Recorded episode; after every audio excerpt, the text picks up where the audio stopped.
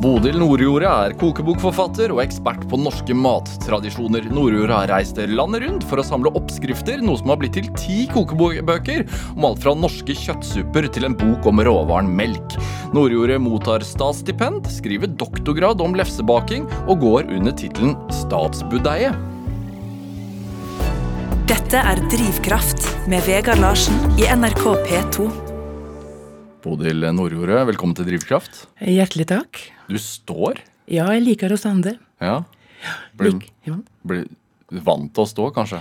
Jeg virker stort sett hele tida, så det er liksom ikke Øystein, da, min Øystein, han sier at du er jo penest når du sitter helt stille, sier han. Men det er så skjella. Ja, ja det, du, du, jeg sa statsbudeie, men turbobudeie òg kaller du det. Jeg lever tre år i løpet av et år. Ja. Ja. Han må nytte tid, vet du. Med lever et stutt lite liv, og vi har ikke tid til dødtid. Ja, hva, Hvorfor har du dårlig tid, føler du? Nei, det har vi alle. Jeg har alle lite tid, men jeg har et mantra. Og det er det at en må stille seg så at en hever det såpass travelt at en ikke har tid til å tenke klene tanker. For det er det så veldig mange andre som kan ta seg av. Ja. Ja. Og da når en sysselsetter hjernen med positivitet og glede Ja. og meningsfullt arbeid, da blir det alle i dødtid. Ja. Og sitter lite stilt. ja. Det hjelper på. Det er en slags eh, meditasjon, det å holde på med ting. Ja. Ja. Og hvis det kunne kombinere det å spite og kjøre bilet på samme tid Spita. Ja, strikke. Ja. Hvis jeg ikke kunne gjort det samtidig, da har jeg gjort det. Liker å kjøre bil, altså? Nei, nå jeg kjører så mye, Ja. så jeg begynner å kjenne at jeg kjeder meg. ja. Du kjørte over fjellet for å komme hit? Ja, men det er, det er liksom det er dagstur, det er i grunnen, hvis ikke det har vært for at det var litt tidlig og vetteførig og glatt. Men, eh, men jeg liker å ha tid til å tenke. Og tenke gjør en godt når en kjører bil. Hva tenker du på da? da? Det er veldig sjelden stilt oppi mitt høve. det er vel slik at det spraker litt av og til, men nei. Jeg, jeg liker å tenke. Jeg er, jeg er ikke en grubler, men jeg liker å tenke på gode ting. Jeg liker å glede meg til gode ting, og jeg liker å liker å se folk. Jeg liker å være til stede med de jeg møter. Og da er det veldig godt å ha tenkt unna det som en ikke skulle tenke på når en møter andre folk. Ja, hva er gode ting for deg, da? Det er å skape gode møter i. det er å glede andre. Eh, Og det er å være i hop med folk som en kan lite på. Og så er jeg veldig glad i å skape. Og jeg er nok en jeg, Det er som sagt lite dautid, så jeg er nok i gang med noe, og er nok et gjennomføringsmenneske. Ja, Fått ut ti kokebøker på Ja. ja, hvor mange år? har du 15 år. Ja, og Ganske tjukke, disse bøkene. Og Ja. du veit du skriver på din ellevte nå. Ja. Er det, og, og så kom du over fjellet i går og fikk med deg en julekonsert i går her, i- Ja. her i Oslo. Og, Ja. og så skal du tilbake igjen i dag, og det, det, det prioriterer du også midt oppi julestria. Ja, for det er noe med å få litt kontakt med Veslebodil inni innerste strengen. Ja. Eh, Jeg liker den mektigheten av det å sitte i ei kirke og ta imot. Det gir mening i- inn i, inn i høgtider. Mm.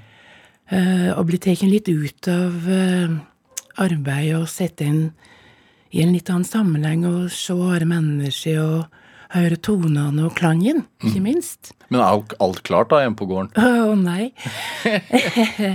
Der bugner det på Ja. benker og i skåp og i skuffer. Hvor er gården? Nei, den er i Byrte, men jeg bor i Vinje. Ja. Jeg har bygd meg et laftatorn i Vinje, eh, og det er der ungene mine vokste opp.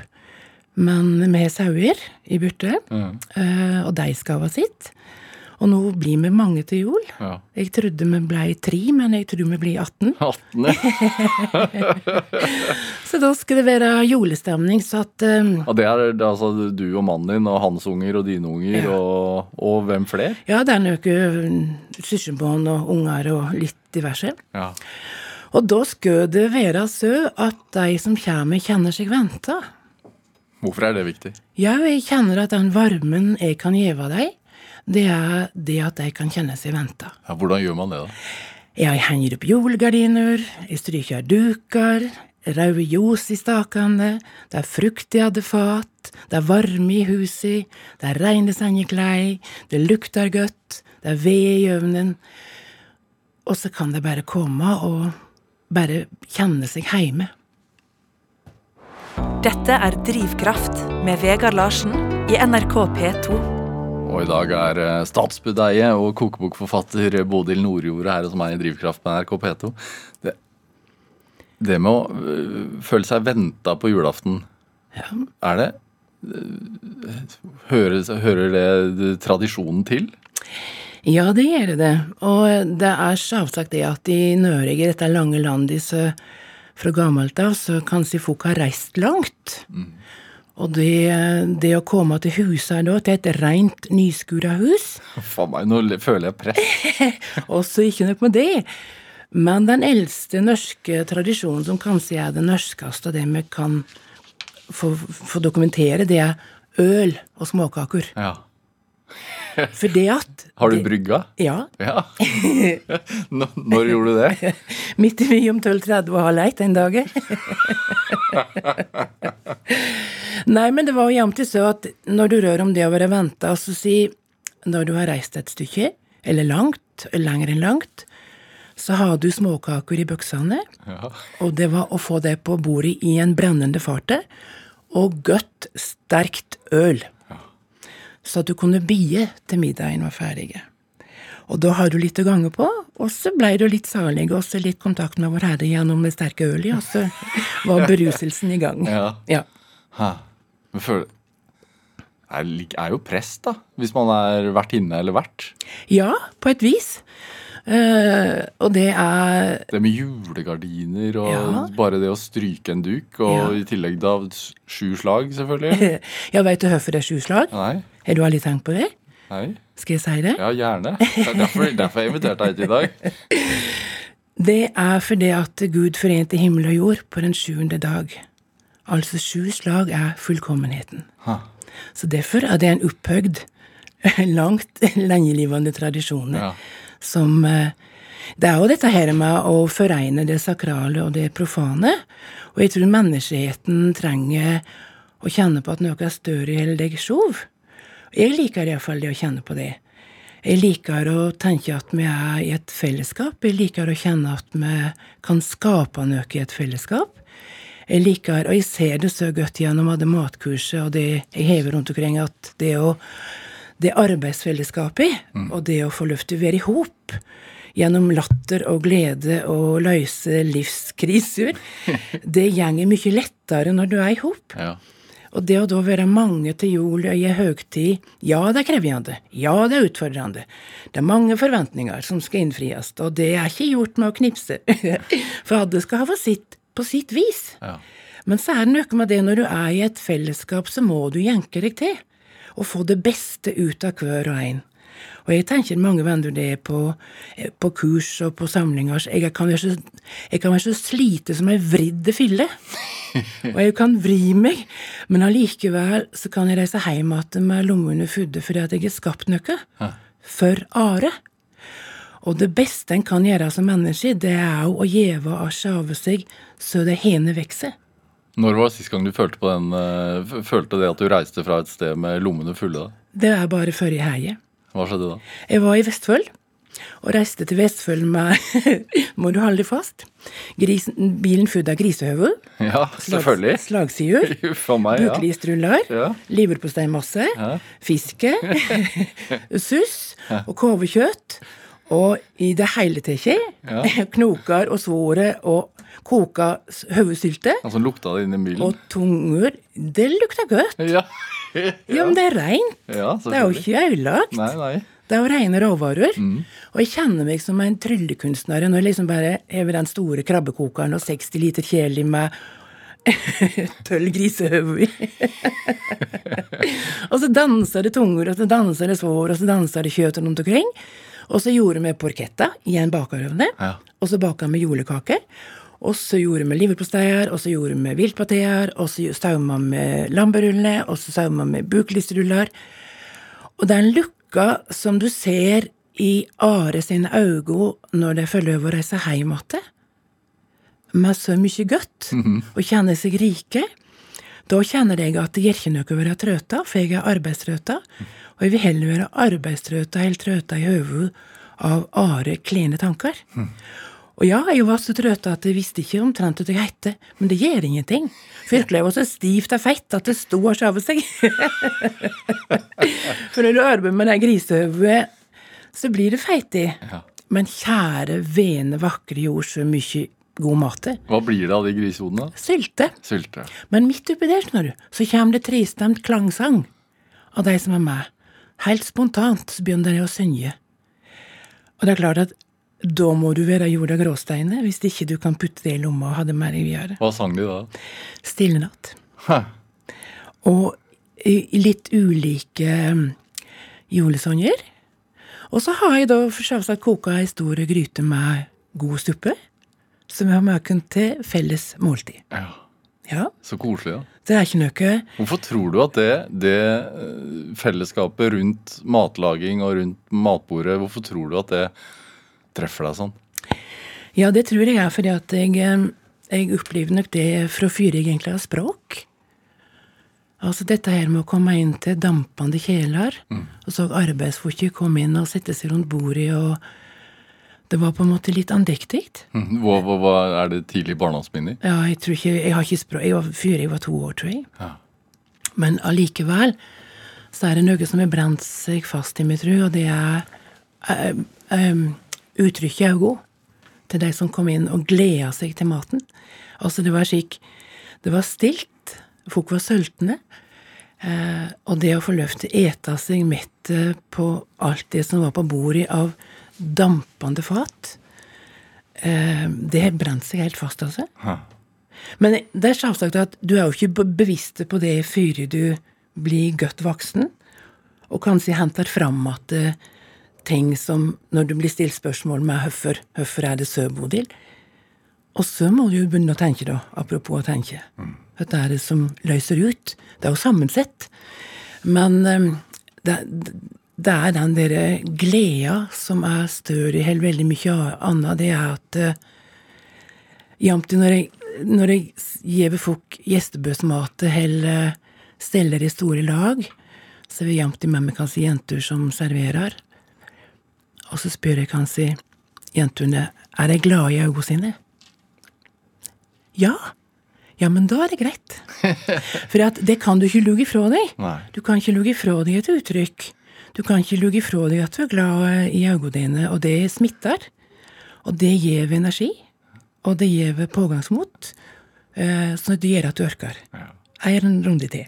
Bodil Nordjordet, det at du Altså, Du sa til meg jeg har en gladnyhet i dag. Jeg har fått eh, statsstipend ett år til. Ja. Eh, så, som jo gjør at du kaller deg statsbudeie, da. Ja. fordi du får stipendet fra staten for å holde på med det du gjør. ja. Eh, hva vil det si, egentlig? Det gir meg et grunnlag Ja, til å arbeide til dømes nå med den doktorgraden, da. ja Om lefsebaking. Ja, om hvordan skulle du få leiven til å svive på bakstebordet? jeg har jo slitt ut seks kjevler. Uten å slå noen i hjel. Sånn går det når du har det med oppvaskmaskin. Nei, den er ikke såpe, den er ikke såpe på. Nei. Nei, det gir meg et grunnlag for Hvorfor ikke såpe? Nei, det tørker du tre i. Ja. Og så sprekker det, og så blir det ikke brukt lenger. Nei. For det, for det første så er, kjenner jeg meg uskonlige privilegert som får lov til å arbeide med det som jeg elsker så inderlig. ja hva, hva, er altså, et, et årshjul for deg? Hvordan ser det ut? Nei, det tøler ikke Dagsjosi. Men det å få lov til å reise rundt og strø gull, da, som jeg sier av og til. Jeg kan risle med armene og strø gull. Um, Ja, for da er det sånn at du, sånn som nå i Vestfold, at du uh, blir kontakta, og så reiser du dit, og så holder du et kurs om norsk mattradisjon. ja da, det er jo en sånn galskap, kan du si, da. Ja. Ja. Fordi at jeg, jeg pakker i hop såpass mye at jeg vil at de som er der, skal få med seg mest mulig. Jeg strekker jo svanehalser på det så det heller, og så får jeg hjem og ta fordøye og ete. Eh, Men den eh, Jeg, jeg har så respekt for andre mennesker, og andre menneskers tid, at hvis jeg først bruker tid i hop med meg, så vil jeg at de skal få meg eller de forventer. For da, da har jeg liksom gjort det jeg skulle, og litt til. Men det er selvsagt det å få lov til å være stat... Det blir aldri flere statsbrødre. Det er det som Tørkjell Børrelsen sa til far en gang når han var hjemme, at du får sette i en monter for å være verneverdige. Sier jeg tør ikke sier far stutt ja, der har jo ikke bia lenge. Men det er noe Når du hever virketrang i deg, og du hever Du hever et, et overordna mål Ja. om å være et talerør ifra de førkvendige som livt fyrer meg, til de som kommer etter meg, så kjenner jeg at jeg har et eh, ansvar, og jeg kjenner på en oppgave, og jeg kjenner at jeg eh, jeg vil dele raust så lenge jeg får lov til livet. Hvorfor er det viktig å være talerør for de som var før oss, til de som kommer etter oss? For jeg vil at kunnskapen skal være og live videre. Hvordan står det til med kunnskapen? Ja, folk er så kunnskapsdyste. Ja. Og nå i disse tider, når, du, når vi får så mye med Vi har rein mat eh, etter, etter korona, etter coviden, så har det vært mye fokus på det å kanskje dyrke litt sjave. Du ser at bondefamilier i dag er, er veldig opptatt av reine mat. Reine brød, reine råvarer. At du får den linja. Uh, og da tenker jeg Jeg ser og møter mest hver dag. Senest i dag tidlig klokka halv åtte fikk jeg telefonen. Bodil, kan du hjelpe meg? Ja, det kan jeg. Um, Hjelpe, hjelpe med hva? nei, det var den liksom Trond Råd, da. For at jeg sto fast med en øke. Ja, hva, hva var det? Nei, det var juleførebuinga, da. Ja. Skulle sage meg en rulle. Og så har jeg lest i boka, og så sier hun Jeg skjønner ikke helt uh, Høtta er en putte. Høtta er det, høtta er det. og, så, og så vil jeg krydre. Blir det feil å gjøre slik, eller kan jeg gjøre så? Og så må du da inn og forklare hvorfor, eller hvorfor, eller why. Ja. Fordi at eh, jeg kjenner at jeg er så heldig, at jeg er så trygg i den praktiske kunnskapen. Og så har jeg såpass mye høgskole Jeg har studert i 14 år, så jeg, jeg kan på en måte transponere. Ja, Du er høyskolelektor i tillegg, da. Ja, jeg er det, Ja. faktisk. Ja, jeg er det. Det er jeg jo. Men jeg kjenner at jeg er stolt av kunnskapen min, og jeg vil at den skal leve videre. Og for at den skal greie å leve videre, så kan jeg ikke konservere den. Da må jeg formidle den ut til de som har lyst til å lære. Og folk er Altså, skal jeg si, jolet er jo Uh, Jolet er jo et symbol på alle den identiteten og fenomen og tradisjoner som fins. Vi heter jo Ola og Kari hele Nørøy i jolet.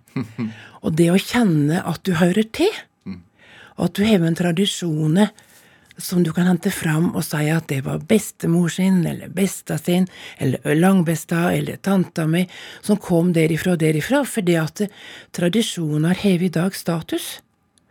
Og vet du hvorfor det er status? Nei. Er du aldri tenkt på det? Jeg forventer et Ja. svar fra deg. Ja, altså, dette her med status og prestisje er jo fordi at uh, tradisjonsmaten gir deg den tiden du ikke har. Og det å bruke tid på å gjøre god mat, det å ha omsut for de som kommer til deg, og skape den herre Ja, jeg har baka de sju slaget, jeg har sauma de rullene, og så er det slik Har du tatt deg tid til det? ja. Så den der tida har alle et tilhøve til. Og da blir matet som tar tid, det blir status og prestisje. Ja. Du har ikke kjøpt det på buet. Ja, for det ti er jo det vi har minst av. Det er akkurat det. Og den her om- omsutet og kunnskapen som du da foregner med tida, som gjør at du får akkurat det du vil av gummi, av haglet, av kling, av brød, av ruller og sylter. Saftig, godt, mjukt, passa med salt, passa med mjøl, passa koka. Det er jo den kunnskapen altså dere, fikk vi jo krabbe inn i førklelommene mine for å få tak i de trådene. Fordi at, ja, men når i alle dager veit du at det passer? Ja. Jeg sier, men de gamle kvendi, eller budeiene, har et øye på hver fingertuppe. Så de visste akkurat når det var ferdig. Og de, eh, de, de, de skusla ikke med råvarene. ja. Så det er jo òg en Du blei jo ikke tetrudde, smør, mjøkk og hvitt mjøl hvis ikke du kunne forvalte det. Så, men det er jo Vi snakket jo sammen eh, før vi gikk inn i studio her, og så spurte du ja, baker du surdeigsbrød. spurte du. Nei, det, jeg har prøvd, ja, men det tar for mye tid, sier jeg. Nei, det tar 30 sekunder, sier du. er det, men er det litt sånn at Ja. det meste det tar 30 sekunder? Det gjør det. Men, ja, men nå skal du høre. Du må bestemme deg, vet du. Ja. Må bestemme deg for at du vil bruke tida på. Hva er viktig for deg? Hva har en merverdi for deg når du får Tenk om du har fått til de gode surdeigsbrød, og så har du kanskje kjent at grannene kom rennende inn, og så kunne du sagt 'Å, jeg har nybaka surdeigsbrød'. Ja. Vil du ikke kjenne på ei kakeskive? Hvem har vokst da? Du eller deg? Nei, begge to. Ikke sant? Ja. Og det er jo det som er på en måte, tenker jeg Jeg har jo arbeidet mye med barnevernsbarn. Som jeg vandra i køer av nederlag ifra da jeg så dagsens ljos. Hvorfor har du det? Det har lært meg så mye. Ja. Det har lært meg så ualminnelig mye. Eh, Det har lært meg rikdommen av det å være heldige. Det har lært meg at eh, å være en god pedagoge, det handler om å ha rammer med med fjør i hjørnet. Og det handler om at å gjeve de ungene en- ei verktøykasse som gjør at de blir i stand til å greie seg i livet uten at de kan gangetabellen. For de er så svikta. De er så grunnleggende svikta i dette livet. Og det å se at en unge kan få til å bake et brød Jeg har en ungevende som jeg er veldig stolt av at jeg fikk på to føtter. Og han eh, Han eh, var tøff i nikkersen. Og så sa jeg at eh, vi skal på kjøkkenet, sa jeg. Og jeg elsker å lage mat, sa han. Ja. Og jeg kunne fortalt hele den historien, men så sa han da vil jeg lage krumkaker. Ja. Ja, sa jeg, det kan vi godt gjøre. Og han drakk. Han drakk smelta smør. og så sa jeg det til han at eh, han fikk en Tjorven-gutt. Så sa jeg at du kunne ha bada i smør, du, sa jeg. Å, jeg ville elsket det, han. og da er vi litt tilbake til den varmen som, eh, som, som maten og måltidet omslutter deg med. For du blir tatt med i et fellesskap. Du blir deltakende i en, eh, i en dialog som handler om deg, og du blir sett. Og når du bjo, bjo ber folk sette seg til bords og få kaffe, så har du jo på en måte møtt øynene, og du har sett folk, og, og hvis du bryr deg, da, som jeg liker å gjøre, så har du jo sett før i Are blunker, så er det med deg. Og det er veldig forløsende. Eh, og så kan du jo strekke den så langt du vil, men, men det der å spørre hvordan hevder du det, hvordan er det med deg? Og i, i, graf, altså i dødsfall, i gravferder, i, i, i vonde ting i livet, så er det kanskje måltider som ufarliggjør følelsene. For at du kan samle deg om noe som ikke handler om smerter. Men du kan ha mat på bordet, og du kan rø om helt vanlige ting. Og det virker så opplevd. Og jeg tenker at det er kanskje den ramma vi mennesker trenger når, vi, når det røyner på. At det er noe som holder fast i deg. At det er noe det er, det er en mening med noe likevel. Og mat og måltid er jo et redskap eller et verktøy eller et medium som du kan bruke for å gjøre det godt for et annet menneske. Hva, hva så på julebordet til dine 18 gjester da, på, på julaften? Vi har sendt ut melding til alle som kommer, at det er kling og fisk. Kling og fiskesuppe. Og fiskesuppe er jo en ikke sånn kjempevanlig julemiddag. Vet du hvor det kommer ifra? Nei. Vet du hvorfor det er juletøske? Nei. Vet du hvorfor Vet du hvorfor det er lutfiske, da? Nei. Nei, skal jeg si det? Ja, gjerne. Ja, det kan jeg si deg, at vi var jo katolikker helt til reformasjonen. Og da eh, var det ikke jul før juledagen. Det var faste i hele desember. Det var ikke kjøtt. Og ikke sex. Nei. Men når juledagen kom det, ja, det, Fæl desember, da. Nei, ja, det kan du godt si. Men det var jo ei jeg tror, det, jeg tror ikke det gjør noen verdens ting jeg, å ha det litt skrint i desember. Nei. For du kan ha noe å glede deg til. Og det at det er litt eh, At det ikke er helt nyvaska, at ruggene er ute, at det ikke er fudd middag hver dag, det gjør at du har noe å se fram til. Du skaper forventninger, og en uke å glede deg til. Og da er det så hjemme at Men første juledag, da er det Da er det Food Bazaar, altså. Men hvorfor eh, Altså, når du får fiskesuppa på bordet, hva, hva føler du da? Hva, hvilke minner vekker det hos deg? Det er en indre glede som er større enn veldig mye annet. For Hvorfor jeg, det? jeg, for jeg vokste opp i en heime som det var relativt eh, kaotisk. Altså før jord for foreldrene mine var håndverkere. Og det du skulle levere ut til alle de andre der ute, det gikk fyr i økken heime. Så når julaften kom, så, så var det travelt. Veldig travelt. Eh, og jeg minnes mange julaftener at jeg var så trøtt at jeg visste eh, ikke opp ned på noen ting. Men når du da fikk sett deg, og vi var faste plasser rundt bordet, og det var det, den dagen i året vi satt i salongen og åt, så den derre Du var sulten. Du var så sulten at det gnog i tarmene, for du har ikke hatt tid til å ete hele dagen. Baka julekake, baka brød, vaska hus, skift på senjer. Audun, bror min og jeg begynte å jamte juletreet når mor og far var i fjosi. Må yte før man kan nyte, si. Ja. Ja. Så vi da fikk køen, og fikk fiskesuppa i tallerkenen på bordet, så var det liksom fred. Det var fred og ro Ja. i heimen. Det var Du visste at nå kom det noe godt. Og noe godt å glede seg til. Bodil Nordjord, vi skal spille litt musikk. Vi skal høre um, Bergfolkets julemelodi. Hvorfor det? Å, den er så sterk. Jeg har vært på Røros i veldig mange år og har vært mentor i Skjæringstadgården. Eh, Og baka brød. Natt og dag. Du kan tenke deg hvordan du ser ut. Mjølete og svett og trøtt. Og så bare snubler du inn i Røros eh, store kirke, og der står de.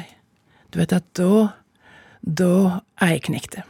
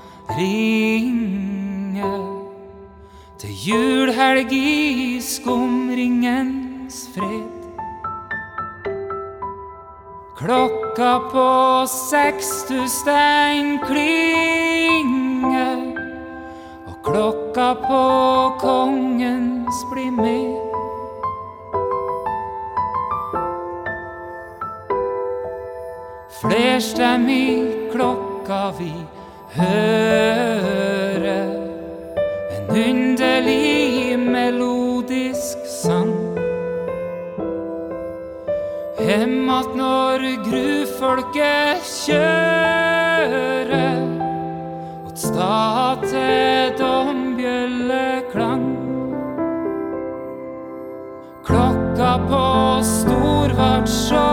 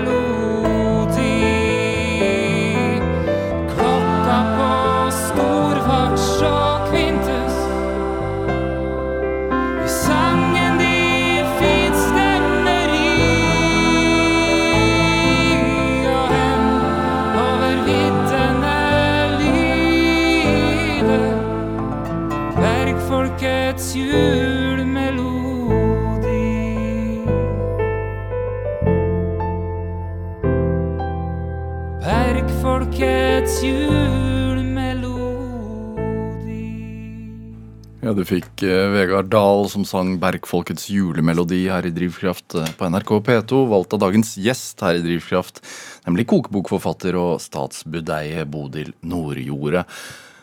Du er vokst opp på gårdet, som du sier. Ja. Hva husker du fra barndommen? Arbeid. Arbeid. Hvor tidlig? Før jeg har språk, tror jeg, omtrent. Ja. Ja. Jeg var en travel unge. Ja. En ualminnelig travel unge. Hva slags Altså, hva drev dere med på gården? Altså, var det Ja, det er lettere å si hva mye gjorde, Ja. tror jeg. Ja, vi har sauer, og vi har griser, og vi har noen kyr. Og svadfar var snekker og murer og arbeidet seg skvett i hjel. Ja. Og mor med hun var og sauma, hun spita, hun vov, og hun var, hun var veldig mye veldig mange andre steder enn hjemme. Er det samme gard som, som du har nå, eller? er Nei, det er farsgarden. Ja. Men i og med at jeg mister broren min i en ulykke, så For det, er- er slik at når du er født på en gard, så er du gjerne Før du ser ljos i verden, så er livet ditt i grunnen lagt. Ja. Eh, fordi at gardene krever ættinger, ikke sant? Og da eh, jamt, Far var jamt til så at eh, han overtok noe som han gjerne ville gi videre til ungene ørlite bedre i. Eh, og det, det var én ting å gjøre, det var å arbeide. Og når han da blei borte, min bror, han blei tatt av ei mm. så er det selvsagt at det blei veldig, veldig, veldig mye Verden blei jo snudd på hodet. Totalt på hodet. Så hvis, du, hvis jeg har kommet inn til deg og sagt at det er normalt å gange på hendene, og du har sagt at uh, nei, men det er jo feil, Bodil, så har jeg sagt nei da, det er det som er det rette. Fordi at eh, når du er oppdragen i, i et eh, i ei lita bygd, i et gardsarbeid, så, så er på en måte som sagt livet lagt, og når da grunnen blir riven unna deg, eh, og du står igjen, så er det selvsagt at det blir et helt annet ansvar. Og når foreldrene dine da omtrent ikke vil leve lenger fordi at de mister den ene pilaren, og jeg var ikke mer enn 24 år, så er det selvsagt at det ble en veldig krevjende veldig krevjende begynnelse på resten av livet. ja. Du blir foreldre for foreldre? Ja, Ja. rett og slett. Og far ville ikke live lenger, han ville bare dø og ligge med br- sønnen sin. Men jeg lot han ikke få lov til det. Så jeg gjette han i tre år og tenkte at dette gir vi meg ikke på. Han skulle live lenge. Hva gjør man da? Eh, Ja, jeg har jo det tredje øyet på han hele tida. For en stor arbeidsbjørne som han var. Han fikk alt han ville av tabletter, og åt tabletter og drakk. og var, han gav opp. Men eh, jeg greide hanken inn igjen, altså. Mm. Og han, en, han var en klok mann, men han ble jo mulig enda klokere. Så jeg fikk han med meg til å bygge tone i mitt heime, for han var jo snekker. Og da eh, når jeg fikk jentungen, så tenkte jeg at det, det, er, det er von. Det er håp. Eh, og han var jo så at han så forbi meg, men inn i hennes liv.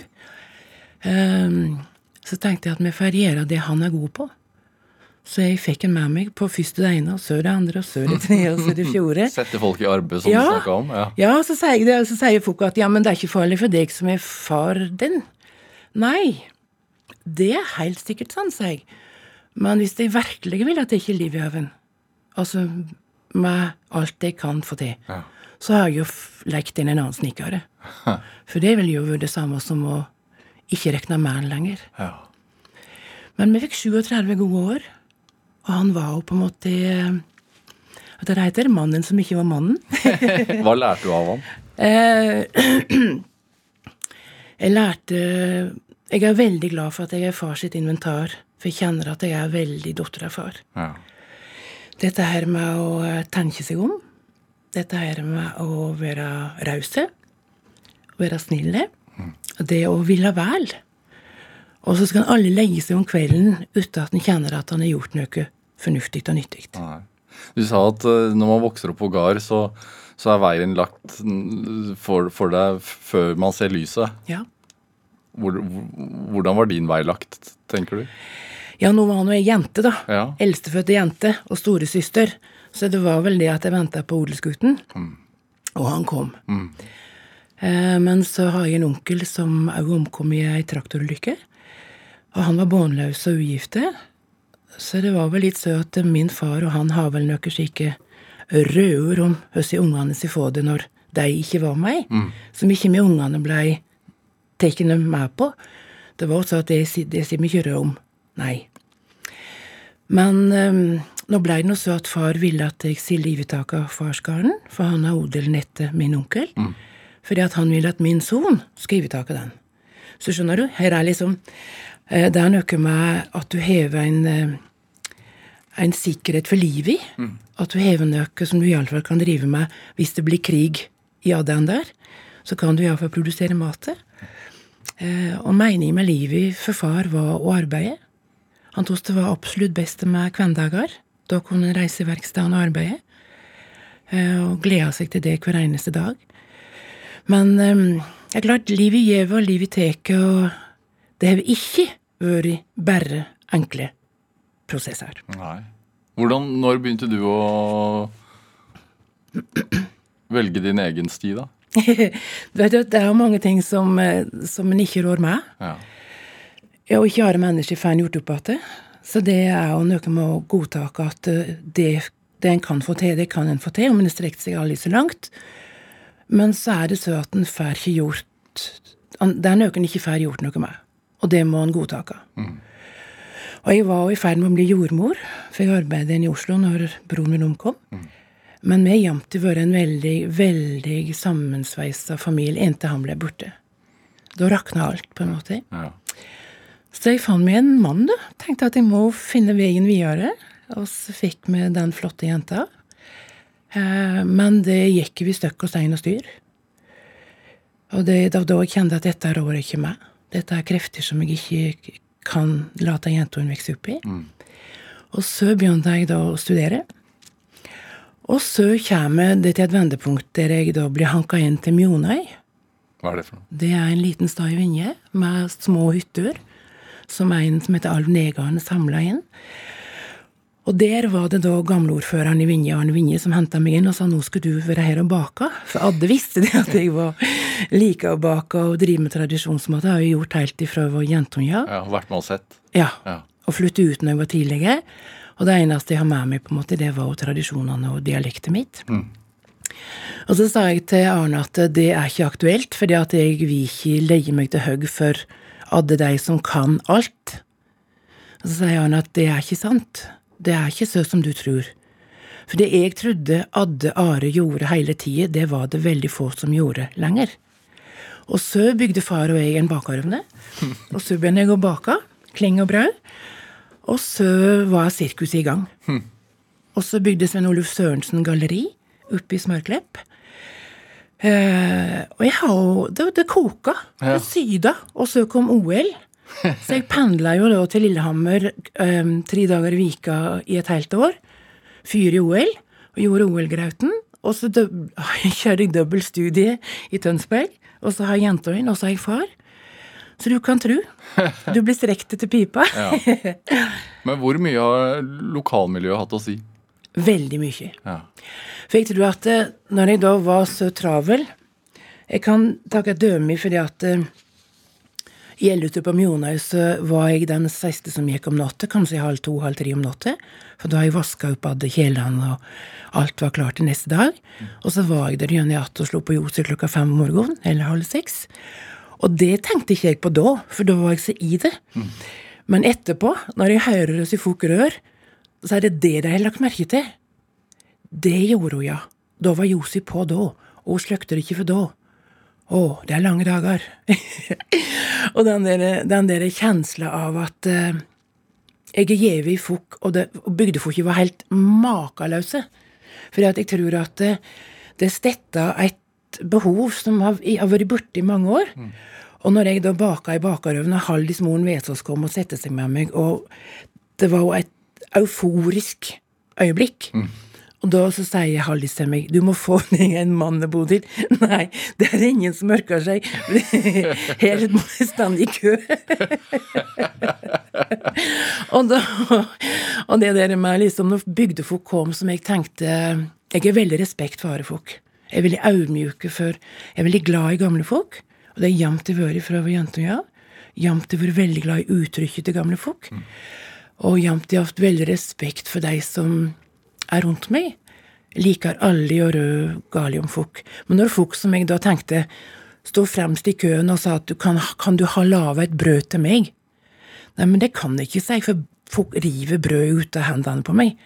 Ja, men jeg kan vel få et brød av deg. Ja, jeg skulle gjerne sagt ja, men det går ikke. Du må være her. For folk er helt rasgalne. De river brød og julekake. De fyrer meg når røyken kommer ut av pipa. Og jeg baka jo 40 brød i slengen i noen gamle slaktetrøg fra Vesås. Og det var tunge som bly. Husj, borte. Ja.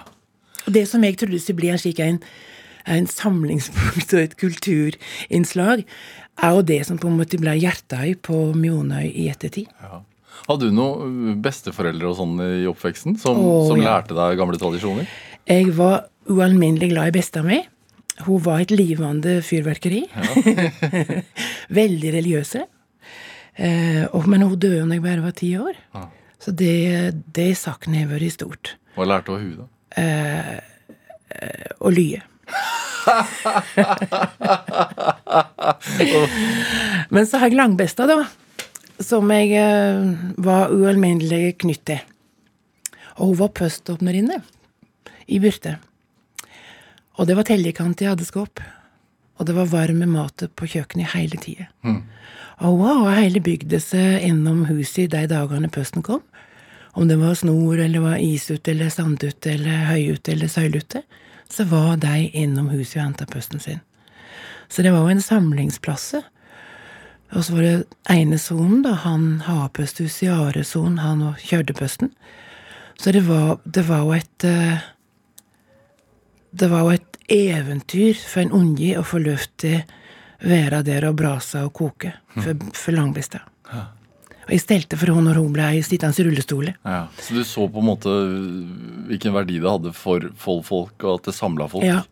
Og jeg, Så, så den gleden i øya? Ja, veldig. Og hun sa det, hun sa, for hun liker oss, hun var innflytter i Byrte, så hun sa det at eh, hun syntes det var så ønskelig når hun ble stikkende i rullestol, fordi at hun fikk ikke stelle som hun ville. Og jeg tror jeg var fire år, fem år. Så var det jo et eller annet hun sa, og så sa jeg Du tar ikke sytebesta, sa jeg, skal vaske tidlig før jeg går og pakker smultringer for deg. og det lærte hun mye av. For hun tenkte at ja, ja, jeg var ikke store krakken, men eh, Men det var så det ble, da. Ja. Mm. Jordliftene var det å vaske og stelle og bake og koke. og- Det med at du fant på at du skulle reise rundt og samle oppskrifter og, og, Ja. og mattradisjonen mellom permene. Ja. Hvor kom den ideen fra? Um, jeg blei jo eh, Ja, si det. Når jeg har bygd ut Mjonøy og drevet der i åtte år Jeg er født på en gamlehjem, så det jeg fikk Jeg måtte bytte hofte når jeg var 35. så jeg har ikke tid til å vente lenger. Bærer så mye mer, eh, melk, da kanskje? Ja, jeg har det. Ja. Tusenvis av liter. Ja. Eh, når jeg da har Når jeg begynte, for det var jo der hele omgrepet tradisjonsmat i Nøre jeg mm. på, på Mjonøy. Så jeg har jo en bladfyk i hælene annenhver dag. Og det er selvsagt det at når, du da, når da media får tak i det, alle kanaler får tak i det, så blir jo det spredt utover landet. Og det gjorde at jeg da blei oppringte og henta inn til mange steder i landet. Ja. Og det var jo ei lukke å få lov til å komme rundt og kjenne på den der lokale tilhørigheten, stoltheten, den herre eh, Kan du lære kun? Kan du være med kun? Kan du fortelle kun? Ja, det kan jeg. Ja, det kan jeg. Ja, det kan jeg. Og det gjorde jo at jeg da på en måte fikk et voldsomt nettverk rundt hele landet. Og det har jo da gjort til at når jeg da skrev eksempel lefseboka, så har jeg lyst til å løfte fram de lokale personene, eller mennesker, eller kvendi, da, som har gitt meg så mye. Så kunne jeg løfte dem fram til meg og, si 'se her, se her, se her'. Og jeg, og jeg kjente at eh, når jeg ringer rundt, ringte rundt til folk Nå er jo 17 stykker av de som er i livsboka, reist ifra oss. Og det er jo i sorg hver eneste vende. Nå gikk Nikka. 107 år. Og Eh, den der gleda som, som jeg kjenner på det at det kan være den som løfter fram Are. Mm. Ja, Oppskriften deres øh, Ja. lever, lever fremdeles. Ja, Ja. Det, kom, det er et smykkeskrin. Det kommer aldri til å gange ut på dato. Og jeg kunne skrive fem lignende bøker om livssur. Ja, det skal du vel gjøre, Birgit. Ja, jeg husker det. Men det er den derre det er for, jeg, I dette samfunnet vi lever nå i dag, så kjenner jeg at det å bake for ei til dømes lefser eller brød, da. Det er jo ikke noe matemne det bor så mye kunnskap, omsorg, kjærleik, handlingsbåren kunnskap, eh, nærleik, lukter, eh, eufori som det gjør i én en eneste leive. Hvorfor er lefsa så spesiell, da? Ja, det er et godt spørsmål. jeg, var med, jeg er med på et uh, Camp Culinaris nå til etter jul. Ja, TV-programmet? Ja. Ja. Og der sier vi baka brød, altså flatbrød, Ja. på Jøntaket. Og jeg tenkte ja ja, det gjenger kanskje. Men folk sa at jeg var Hm. Og jeg tenkte nå har vi sikkert gjort noe galt, tenkte jeg. Men nei da, det, det er luktene. For jeg tenker, vi varer luktene før vi varer smakene. Og da kom det fra ei av de som sa til at å, Bodil, du trykker på knappene med bestemor mi. Og så er hun borte, ikke sant? Ja. Så du får opp igjen så mye barndomsminner med det å bake på den måten. Og den magien det er i det å få leiven til å svive, den, den magien det er jo å få et nybaka, varmt brødbit i med smør med ostehøvel Altså, du må være jord av gråstein hvis ikke du blir forført av det. Og det å få nybaka, eh, nysmurte lefse Ja. ja, det, altså, du, du, du, trykker på alle de knappene du kan få trykt på. For det er helt umulig å si nei takk. Hvilken lukt bringer frem eh, minnene hos deg, da? Nei, det er baksten. Det er baksten, altså. Er det derfor også at du tenker at uh, det er en god idé å ta disse oppskriftene til USA? Ja. For jeg har vært der flere ganger. Ja. og det er jo norskere med hjemme her. Og det er jo helt eh, Det er en magi i det å bake. Det er det er mestring, sant? For det er ikke Du skal kunne lite bitte grann, eller så må du ha lært deg noe. Og det er det som er min eh, Det er jo det som er lukka mi, det er når jeg ser at de får til å bake. Slik som de vil. Ikke som jeg vil, men som de vil. Og som de blir glade av, og som de kjenner at de rår med. Og når de får til det, og jeg kan bare si 'jeg er litt søt', jeg er litt sø, og så slik og litt sø. puss av der, og så litt der, og så litt mer på kanten der. Er det norsk norskætta amerikanere da, som Ja. du møter? Ja. Ja. Og de, eh, de elsker jo bøkene mine, men de er jo litt for tykke. Og litt for De er, ikke på, de er jo på norsk. Ja. Julematboka er jo på dialekt. ja. Som Ola Nordstoga reiv av seg det håret en hat, tror jeg, når han la korrektur på det.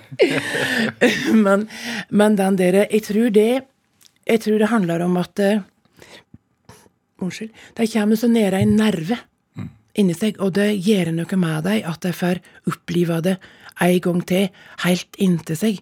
For de har bare lest om det. De har bare hørt om det. Og jeg tror det lengten. Lengten etter det å Lengten etter det å høre hjemme og finne noe som gjør at du hører hjemme med noe. Og det er det jeg mener med identitet. Identiteten din er jo et fenomen som gjør at eh, du kan ha en dialekt som gjør at du skjønner når jeg sier lefse til deg, da veit jeg hva du rør om, og du vet hva jeg rør om. Og det er det som er identiteten. Den autentisiteten som bor i det fenomenet. Og jeg tenker at når jeg ser folk dypt i øynene da, og ser at tårene, at det blir helt blanke i øynene sine, da vet jeg at jeg er trygt på de rette knappene. og da blir jeg så glad inni meg. Jeg blir altså så ualminnelig glad, fordi at jeg kjenner Da har vi greid å løfte et menneske dit det vil. Da har vi greid å gjeve det mennesket noe som gjør at det blir ferdig litt bedre, og blir glad og sier 'dette kan jeg', 'dette får jeg til'. Er det det er- jo fire dager til jul. Det er 20, 20. i dag. Ja. Hva, hva bør vi st bruke tida til? ja, det er Stryke, stryke Duker? duker? Nei. Jeg tenker at uh, Det vi skal kanskje eh, strekke oss litt etter, det er å skape fred og ro. Og glede. Og så er det livsens far. Og jeg får veldig klar beskjed, Bodil, du legger ikke malen for dette her, for det, det er ikke så det blir. Men jeg tror at eh, vi skal leite litt etter ei indre glede. Vi skal leite etter noe som gjør oss godt. Eh, og det kan være helt enkle ting, og jeg tenker at eh, vi må alle slutte å glede oss til det. Og det, det, det må være viktigere enn hva vi. Jeg har hatt et uh, overordna mål i år og ikke inn på et kaupesenter i hele desember. og det er vel greit? Ja. For jeg blir rett og slett klen av det. Ja. Når jeg ser i folk kaver og strever eh, Jeg er ikke sikkert jeg strever, men, men det er jo et jag på klokka. Det er jo et jag på å gjøre ting. Eh, Og det er ikke det at ikke det er rett for SoMe, men jeg tenker at eh, vi må skrelle den løken litt. Og ta vekk litt det ytre kavi. Og kjenne etter det som er godt for deg. Og så må man holde fast i det. Og det som er godt for deg, det er jo godt for de som er rundt deg. Og da tenker jeg at da har du iveskudd til å gjeve oss av deg, så det har noe for det godt. Og det er Jeg er jo helt umettelig på det. Å gjeve oss Are kan få det godt. Ja. Hva gir du julegaver, da, hvis ikke du går på kjøpesenter? Jeg spiter. Ja. og jeg gjør og jeg Jeg henter ting inn som jeg veit at den har jeg lyst til å gjeve til den.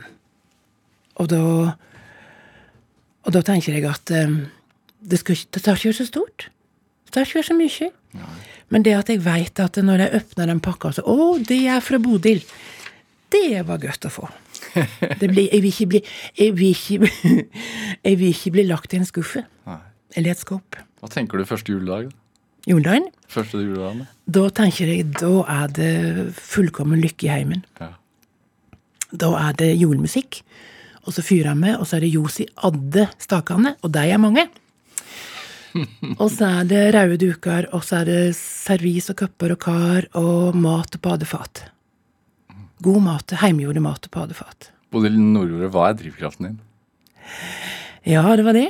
Det er nok eh, Øystein min sa det i dag. Bodil, eh, du hever ei ualminnelig drivkraft i det at du er så kunnskapsdyster, og at du hever ei ualminnelig gjennomføringsevne. Set deg i gang ting, da lander det jevnt på båtføttene. Bodil Nordrud, en glede å ha deg her i Drivkraft. Tenkte du skulle avslutte med Stille natt, som du prata om. Er ikke det fint, da? Er ikke det fin og, avrunding på denne samtalen? Den er helt eventyr, og den tar deg inn i brystbeinet, og det er så godt at noe tar deg. Ja, Da vil jeg bare ønske deg god jul. Hjertelig takk, og det samme til deg. Og tusen takk for at du kom til Drivkraft. Og så vil jeg bare si at produsent og research i dag, det var Melody Holst eh, Talebi.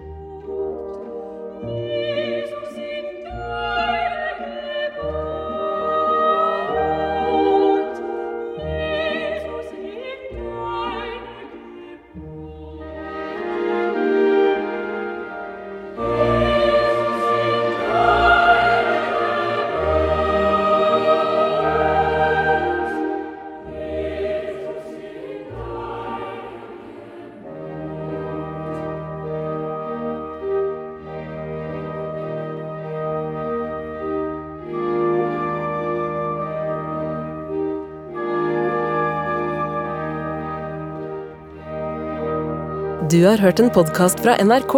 Hør alle episodene kun i appen NRK Radio. Glass og alt eksploderer. Julen 2015 går et stort snøskred i Longyearbyen på Svalbard. To barn i den mellomgangen. Her kan vi grave. Og jeg roper at Pernille og Nikoline er borte. De er forsvunnet i snømassene. Hør Begravd i snøen i appen NRK Radio.